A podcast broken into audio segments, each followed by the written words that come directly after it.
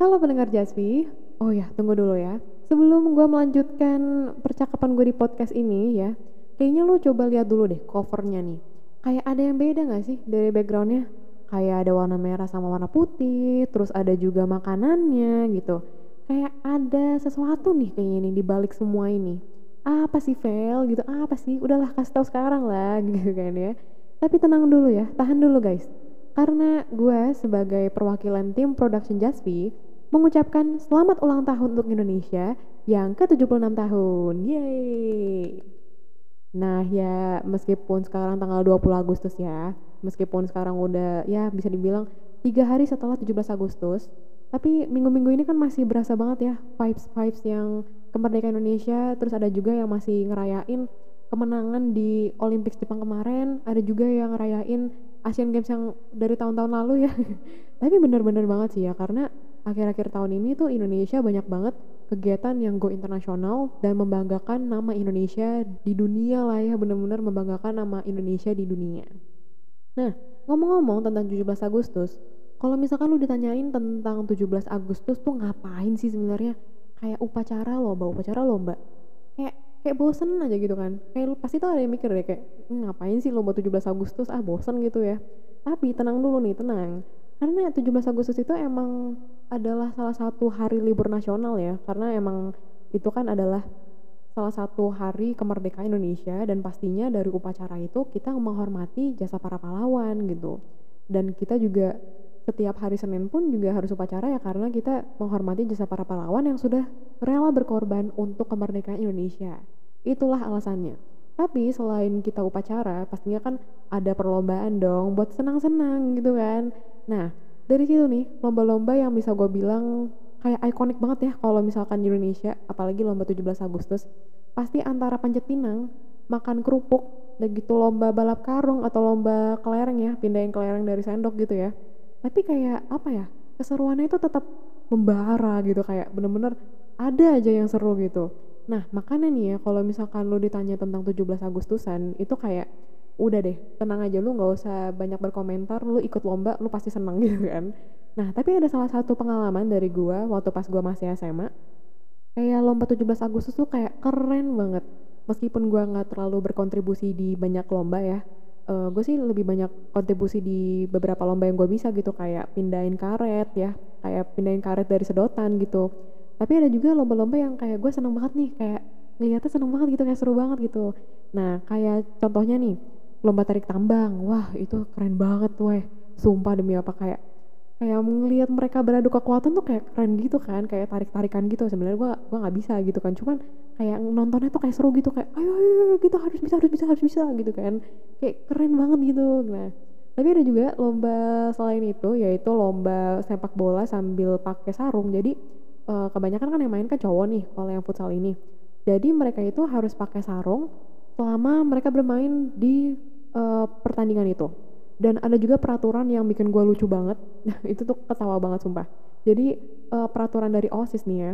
Jadi waktu misalnya ada apa namanya ada jeda ya jeda kayak semacam prit gitu. Jadi mereka setiap perlombaan berapa menit ya dua menit gitu ya habis habis dua menit itu akan disetel lagu dangdut atau lagu-lagu deh. Lo pokoknya lagu-lagu dari osisnya itu mereka harus nari selama 30 detik atau 30 detik kayaknya sih ya cuman gak lama-lama banget sih.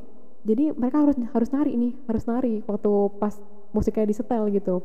Dan kalau misalkan mereka nggak nari bakal ditarik tuh nggak bakal bisa main lagi gitu. Nah itu seru banget itu kayak bener-bener ada aja ya kreativitas dari orang-orang Indonesia gitu kan. Meskipun ya lombanya sebenarnya biasa gitu cuman kayak ada sesuatu yang bisa dibuat yang wah ini kayak bisa bisa lebih seru lagi gitu kan. Nah itu dia.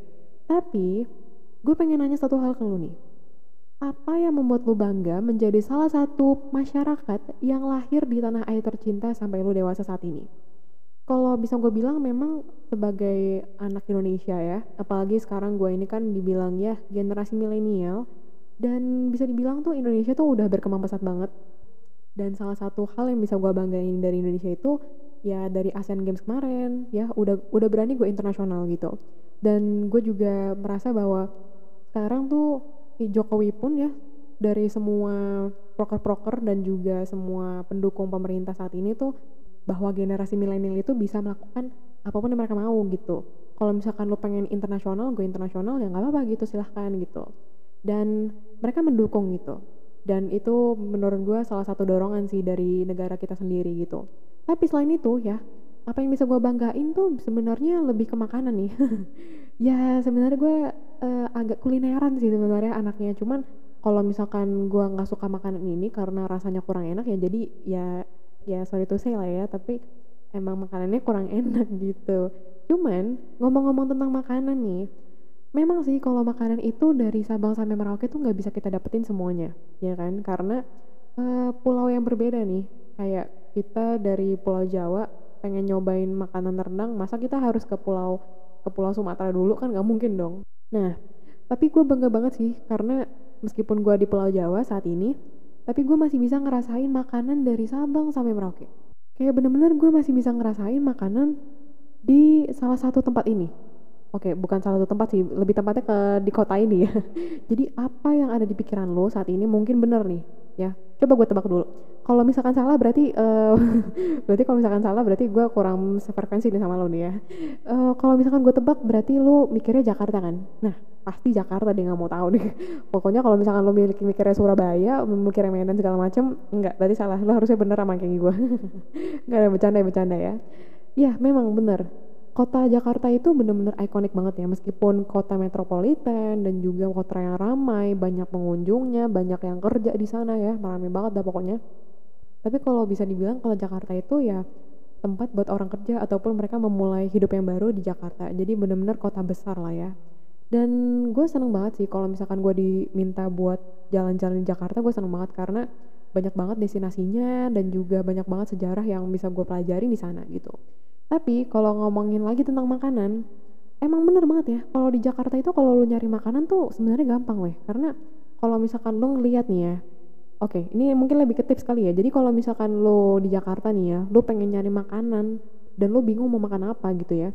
Pokoknya gini, kalau misalkan lo ngeliat makanan di pinggir jalan ataupun tenda ataupun toko ya, dan dia itu banyak banget yang ngantri ataupun banyak banget mobil-mobil mewah kayak Mercedes-Benz terus dari itu ada BMW atau misalkan Velfire ya atau Alphard hmm, jamin banget deh itu itu enak banget berarti itu udah legend gitu.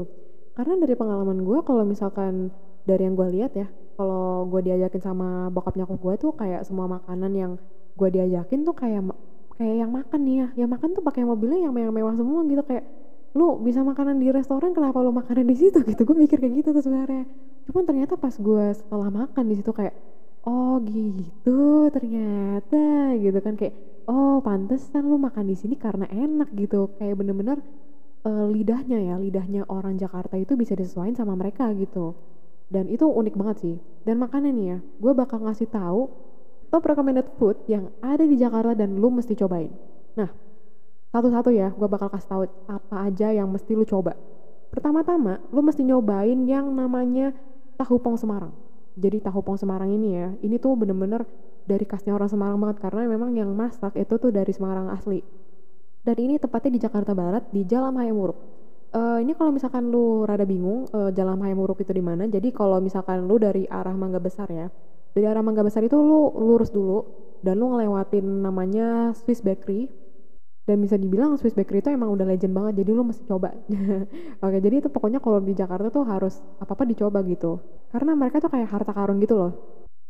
Nah balik lagi nih kalau misalkan lu di Jakarta Barat ya lu mending coba makan ini tahu pong Semarang karena ini lebih ke makanan yang lebih Jawa Jawa Tengah banget ya karena kan di Semarang nih. Dan dia itu emang ciri khasnya tahu pong ini tahu kosong sebenarnya karena kan bahasa Jawanya itu kan tahu pong berarti kan tahu kopong berarti tahu tahu kosong gitu sebenarnya. Jadi kayak kosong gitu dalamnya. Dan itu kalau misalkan lo ngeliat ya tahu pong itu sebenarnya kayak gembul-gembul gitu sih kayak gede-gede gitu. Cuman dalamnya kosong sebenarnya gitu. Dan dia itu ditemenin ya maksudnya dicocolin sama kayak semacam bumbu petis gitu. Dan itu menurut gue enak banget. Nah gue dulu nggak nggak suka sih tahu pong karena uh, bumbunya pakai bumbu petis gitu kan. Dan gue sebenarnya gue nggak suka bumbu petis sebenarnya. Cuman pas gue nyoba makan di situ dan kebetulan yang masak juga enak gitu kan yang masakin juga enak jadi enak gitu kalau makan tahu pong Semarang ini gitu. Dan ini ditemenin dengan ayam goreng kalasan. Boh gila ayam gorengnya nih ya kayak terus gitu kayak wah kayak apa ya juicy-nya tuh dapet gitu meskipun manis ya. Kalau ayam kalasan kan rada manis gitu kan. Cuman dia manisnya tuh nggak terlalu manis dan kalau misalkan lu cocolin sama sambelnya oh my god kayak enak banget sumpah demi apa udah gitu nasinya panas terus kalau misalkan lu pesan es teh ya waduh itu udah kayak surga dunia banget deh makannya dah. Kalau tahu pang Semarang tuh bener-bener enak banget. Nah tadi kan tahu pang Semarang nih. Lanjut lagi ini adalah makanan yang bisa lu cari kalau misalkan lu lagi di Monas di daerah Monas tapi lu nggak mau jauh-jauh gitu makan dari situ. Nah tenang aja karena di daerah Monas itu juga ada yang enak. Jadi namanya itu Sato Madura Paha di Surabaya jadi ini itu lokasinya nggak jauh dari Monas dan juga dia rada deket ke Pasar Baru tepatnya di Jalan Pintu Air. Jadi kalau misalkan lu bingung Jalan Pintu Air itu di mana sebenarnya uh, lu tinggal nanya aja uh, halte pintu air tuh di mana pak gitu atau halte pintu air tuh di mana sih bung nah udah pokoknya lu dari halte pintu air itu ntar kelihatan tuh. Tempatnya kecil kok. Dari situ lu bisa ngelihat soto Madura Pak Hadi Surabaya dan gue bisa tahu ini karena uh, dari bokap nyokap gue ya sebenarnya ini dari nyokap gue sih karena uh, dari nyokap gue ini dikasih tahu juga sama kakek gue gitu. Jadi uh, disuruh coba makan gitu disuruh coba makan di soto Madura ini gitu. Dan sebenarnya tempatnya tuh lebih gede daripada yang sekarang gitu. Cuman karena dijual tempatnya karena harus dibikin ruko tempat yang lama jadinya dia pindah ke tempat yang baru gitu. Nah ini soto Madura tuh enak banget uh, karena sotonya rada bening dan dia rasanya tuh nggak terlalu berat gitu. Jadi kalau misalkan lu makan soto Betawi kan memang rada bel apa ya rada berkaldu ya. Dan juga bersantan ya lebih tepatnya. Lebih bersantan dan juga kayak lebih berat gitu kalau misalkan lu minum atau apa lu minum kuahnya gitu kan. Cuman kalau soto Madura ini tuh kayak lebih bening sotonya.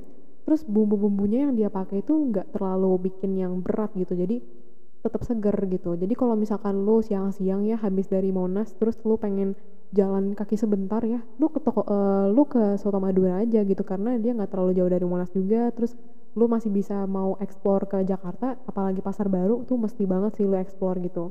Nah itu harganya juga nggak terlalu mahal kok. Itu karena uh, standar aja karena makanan di Jakarta tuh nggak terlalu mahal nggak terlalu murah juga jadi standar kok.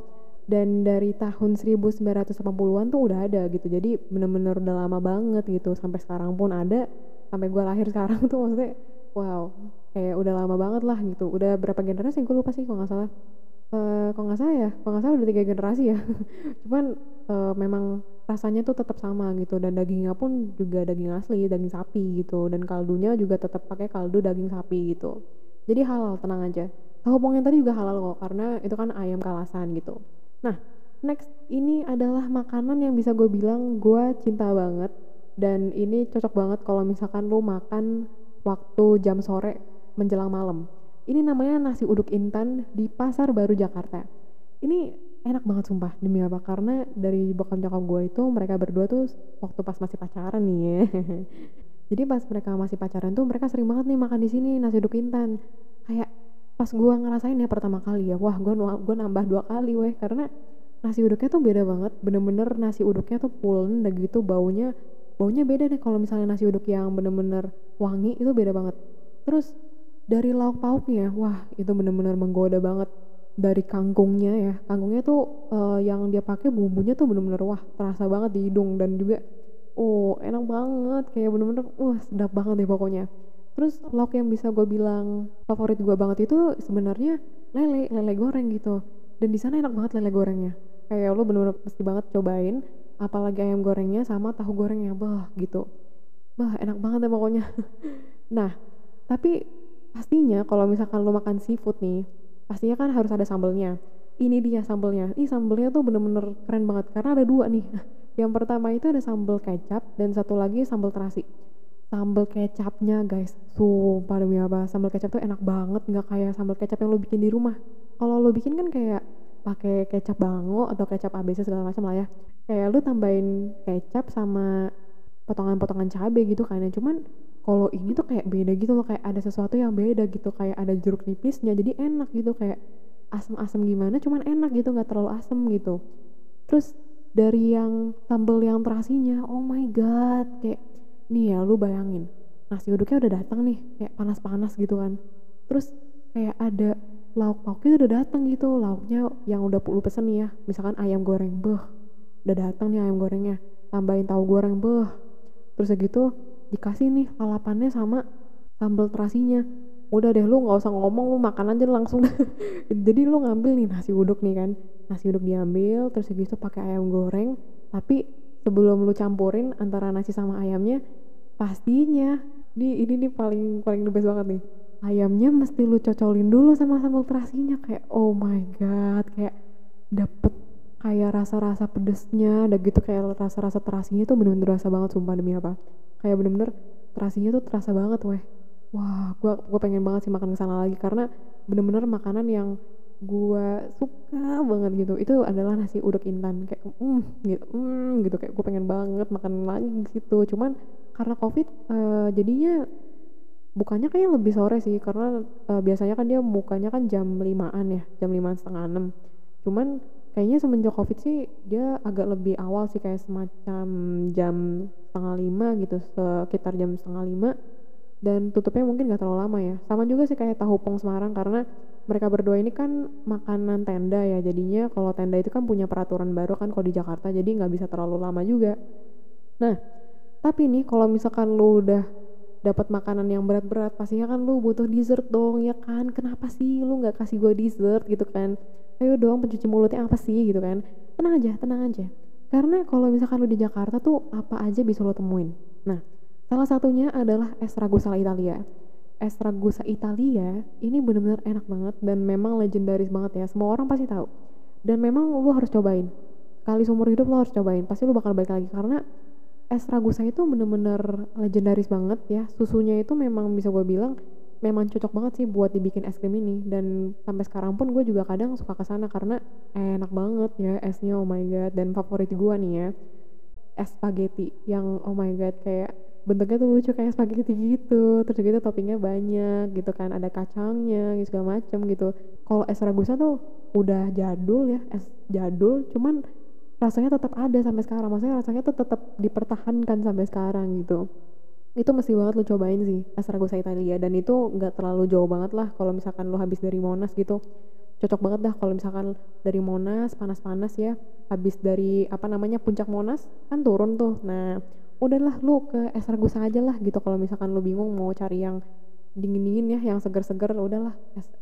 Ragusa Italia aja udah gitu. Nah lanjut nih ada lagi namanya es kelapa petojo. Wah, mungkin lo belum tahu nih es kelapa petojo itu sebenarnya tuh di mana.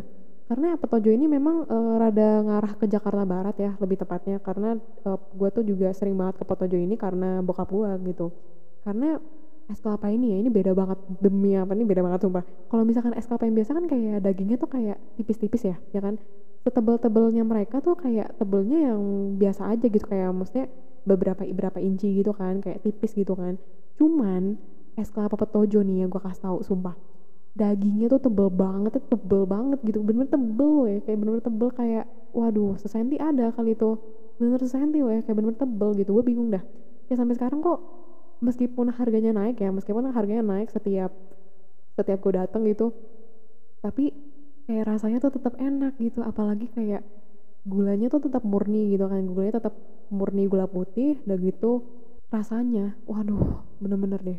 Apalagi kalau misalkan lagi panas-panas nih ya lu mesti minum es kelapa wah udah deh lu ke petojo aja deh. Lu ke petojo lu pesen es kelapa di situ wah oh enak banget gitu.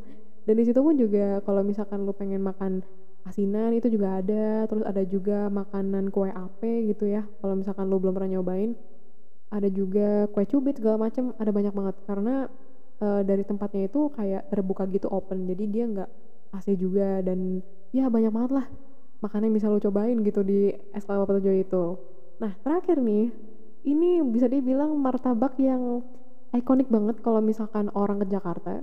Dan ini salah satu martabak yang bisa dibilang topping-topping kayak Nutella terus kayak apa namanya apa ya Nutella terus apa maltin segala macem ya. Kayak yang belum ada sebelumnya tuh mereka duluan yang ada sebenarnya. Namanya martabak pecenongan 78 ini enak banget sumpah. Mungkin sekarang udah udah bisa ditemuin di beberapa tempat kali ya. Cuman pertama kalinya itu yang ada yang ada di Pecanongan gitu. Jadi dari arah lu administrasi negara ya dari gedung administrasi negara itu seberangnya itu ada jalan namanya Pecanongan dan itu nggak jauh dari pasar baru. Dan kalau misalkan lu udah kayak apa namanya dari sore menjelang malam kalau misalkan lu pengen nyari martabak udah lu ke martabak pecanongan aja udah martabak pecanongan 78 itu bener-bener enak banget. Kayak teksturnya nih ya tekstur martabaknya tuh lembut gitu loh. Kayak kenapa ya bisa lembut gitu loh? Kalau misalkan martabak biasa kan kayak keras ya. Kayak meskipun lembut tapi di pas lagi panas-panas nih gitu loh. Cuman kalau percanongan nih ya kalau selama 3 jam 2 jam tuh mereka masih lembut. Mungkin karena mereka pakai mentega ya yang kayak wisman gitu kan. Jadinya rasanya lebih gurih terus segitu lebih lembut gitu apalagi toppingnya tuh nggak pelit gitu. Wah itu enak banget sumpah. Jadi kayak kalau gue nih ya habis gue makan nasi uduk intan ya habis gue makan nasi uduk intan terus gue bilang tuh ke bokap nyokap pah mah ke martabak pecenongan dong beliin satu. Kayak bener-bener beliin dong martabak pecenongannya satu yang to yang toppingnya coklat kacang. Kan gue sukanya coklat kacang kan. Kalau adek gue juga sukanya coklat kacang tuh. Jadi kita sekeluarga tuh udahlah coklat kacang aja gitu. Coklat kacang. Terus ada juga nih uh, menu yang gue paling suka ya kalau di martabak pecenongan tuh ini. Jadi mereka kayak ngeluarin crepes gitu cuman kayak apa ya kayak semacam crepes cuman bukan crepes gitu. Jadi kayak kulit martabak gitu. Cuman enak gitu dibikinnya enak. Jadi kayak toppingnya tuh lebih banyak gitu dibandingkan martabak yang biasa kayak tapi lebih tipis gitu kan. Dan apa ya kayak lebih lebih garing gitu. Kayak lebih garing gitu tapi tetap dibilang martabak sih sama yang punya gitu. Cuman gue bingung sih kenapa manggilnya tetap martabak. Gue cuma gue juga bingung sih sebenarnya sih. Cuman tuh enak banget. Dan lu mesti coba martabak pecenongan 78 nah kalau yang tadi kan yang enak-enak nih. Sebenarnya ada sih makanan yang bisa gue bilang uh, gue kurang suka. Karena uh, setelah gue makan berkali-kali tuh kayak gue makin gak demen dengan apa ya dengan cita rasanya tuh kayak makin lama makin hambar gitu loh. Ini ada namanya nasi uduk ulam. Mungkin kalau beberapa nggak tahu kali ya nasi uduk ulam itu apa. Jadi nasi uduk ulam itu nasi uduk ciri khasnya orang Betawi.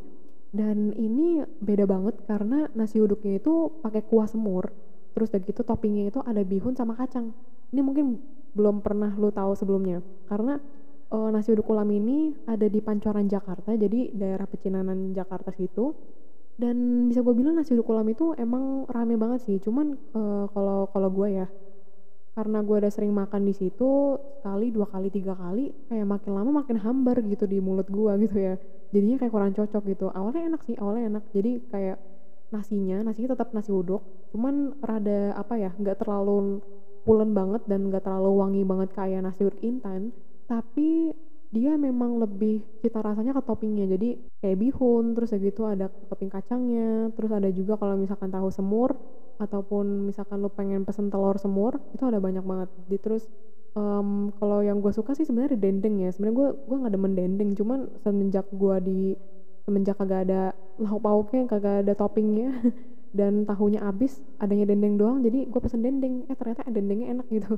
Dendeng sapi ya maksudnya ya. Dan itu bisa gue bilang awalnya doang sih enak cuman kalau misalkan semakin lama semakin gue makan gitu ya semakin gue ke sana kok rasanya kayak hambar gitu kayak rasanya nggak ada lagi gitu menurut gue ya. Cuman uh, makanan yang di Jakarta yang gue kurang suka sih itu sih yang pertama. Dan yang kedua sebenarnya nggak ada ya karena apa ya gue di Jakarta tuh rada memilih ya rada pilih-pilih lah kalau nyari makanan gitu. Karena kalau sekali gue makan tuh kan pastinya harus dihabisin langsung kan dan itu kalau misalkan gue kurang suka dan gak sesuai dengan lidah gue kayak aduh sayang banget gitu kan. Kayak aduh kenapa mesti dibuang gitu kan ataupun harus disisain gitu. Jadi gue rada milih-milih gitu. Cuman tenang aja karena uh, di Jakarta itu meskipun kayak banyak banget daerah pecinan yang rame banget ya tapi tetap apa namanya kayak cita rasa mereka tuh berbeda-beda gitu loh. Ada yang makanan dari Pontianak ada makanan yang dari Medan dan itu bener-bener wah beda banget deh pokoknya dan banyak banget sih makanan yang bisa lo temuin di Jakarta. Dari pagi sampai malam tuh bisa banget lu makan lebih dari tiga kali. Jamin dah jamin banget deh. Karena gue kalau misalkan sama keluarga gue nih ya kalau misalkan udah ke Jakarta habis dari Pantai Indah Kapuk kita kalau habis jalan-jalan kalau misalkan pengen nyari makanan udahlah ke Jakarta aja Jakarta Pusat Jakarta Barat gitu. Atau enggak ke Jaksel gitu kan yang rada deketan gitu kan. Nah memang meskipun makanan ini banyak banget ya dari Sabang sampai Merauke tapi tetap bener-bener gue ngerasain adanya keberagaman di Indonesia. Dan itulah kenapa apa yang gue banggakan dari Indonesia itu karena makanan gitu. Karena bisa banget ya masyarakat Indonesia itu ngebawain makanan khas daerah masing-masing dan akhirnya bisa disesuaikan dengan lidah kita. Padahal gue sendiri pun dari apa namanya ya bisa dibilang kita rasa yang suka makanan pedas suka makanan yang kayak manis-manis ya cuman kok bisa ya? Kayak pas dengan cita rasa mereka gitu kok kayak bisa sama gitu dan kayak cocok gitu. Jadi nggak terlalu apa ya nggak terlalu berbanding sebelah lah gitu bisa dibilang kayak gitu. Cuman kayak pas gitu gitu kan. Nah menurut lu gimana? Kalau misalkan lu punya cerita nih ya tentang kayak lu kulineran ke mana gitu ataupun lu lagi liburan ke mana ternyata lu ketemu makanan enak boleh banget deh nih lu cerita ke buka surat bersama Feli langsung aja ke Google Form yang ada di Instagram karena dari situ kalian bisa cerita dan juga bisa langsung share pengalaman lu apa pun itu. Nah, sebagai akhir dari episode kali ini, aku mau ngucapin, wih pakai aku nih sekarang. gue mau ngucapin terima kasih banyak buat lo yang udah dengerin sampai akhir ini. Ya memang sih mungkin beberapa dari lo pasti pengen banget kan nyobain nih tahu pong, tahu pong Semarang, nasi uduk intan, soto Madura, terus ada es kelapa, martabak kecenongan, sampai es ragusa dan juga makanan yang gue bilang gue kurang suka. Udah deh mending lu sekarang jalan ke Jakarta terus lu cari sekarang. Karena daripada lu berdiam di rumah ya ya meskipun tetap harus jaga protokol ya tapi paling enggak lu bisa inilah ya bisa mencoba kuliner-kuliner baru yang ada di Jakarta yang bener-bener uh, out of your box gitu. Kayak bener-bener bener-bener di luar dari zona nyaman lu banget lah mending lu coba gitu karena sekali seumur hidup pasti lu gak bakal menyesal dengan itu. Oke, okay, thank you banget udah dengerin dari episode 2 kali ini. Semoga kita berjumpa lagi di episode selanjutnya. See you and goodbye.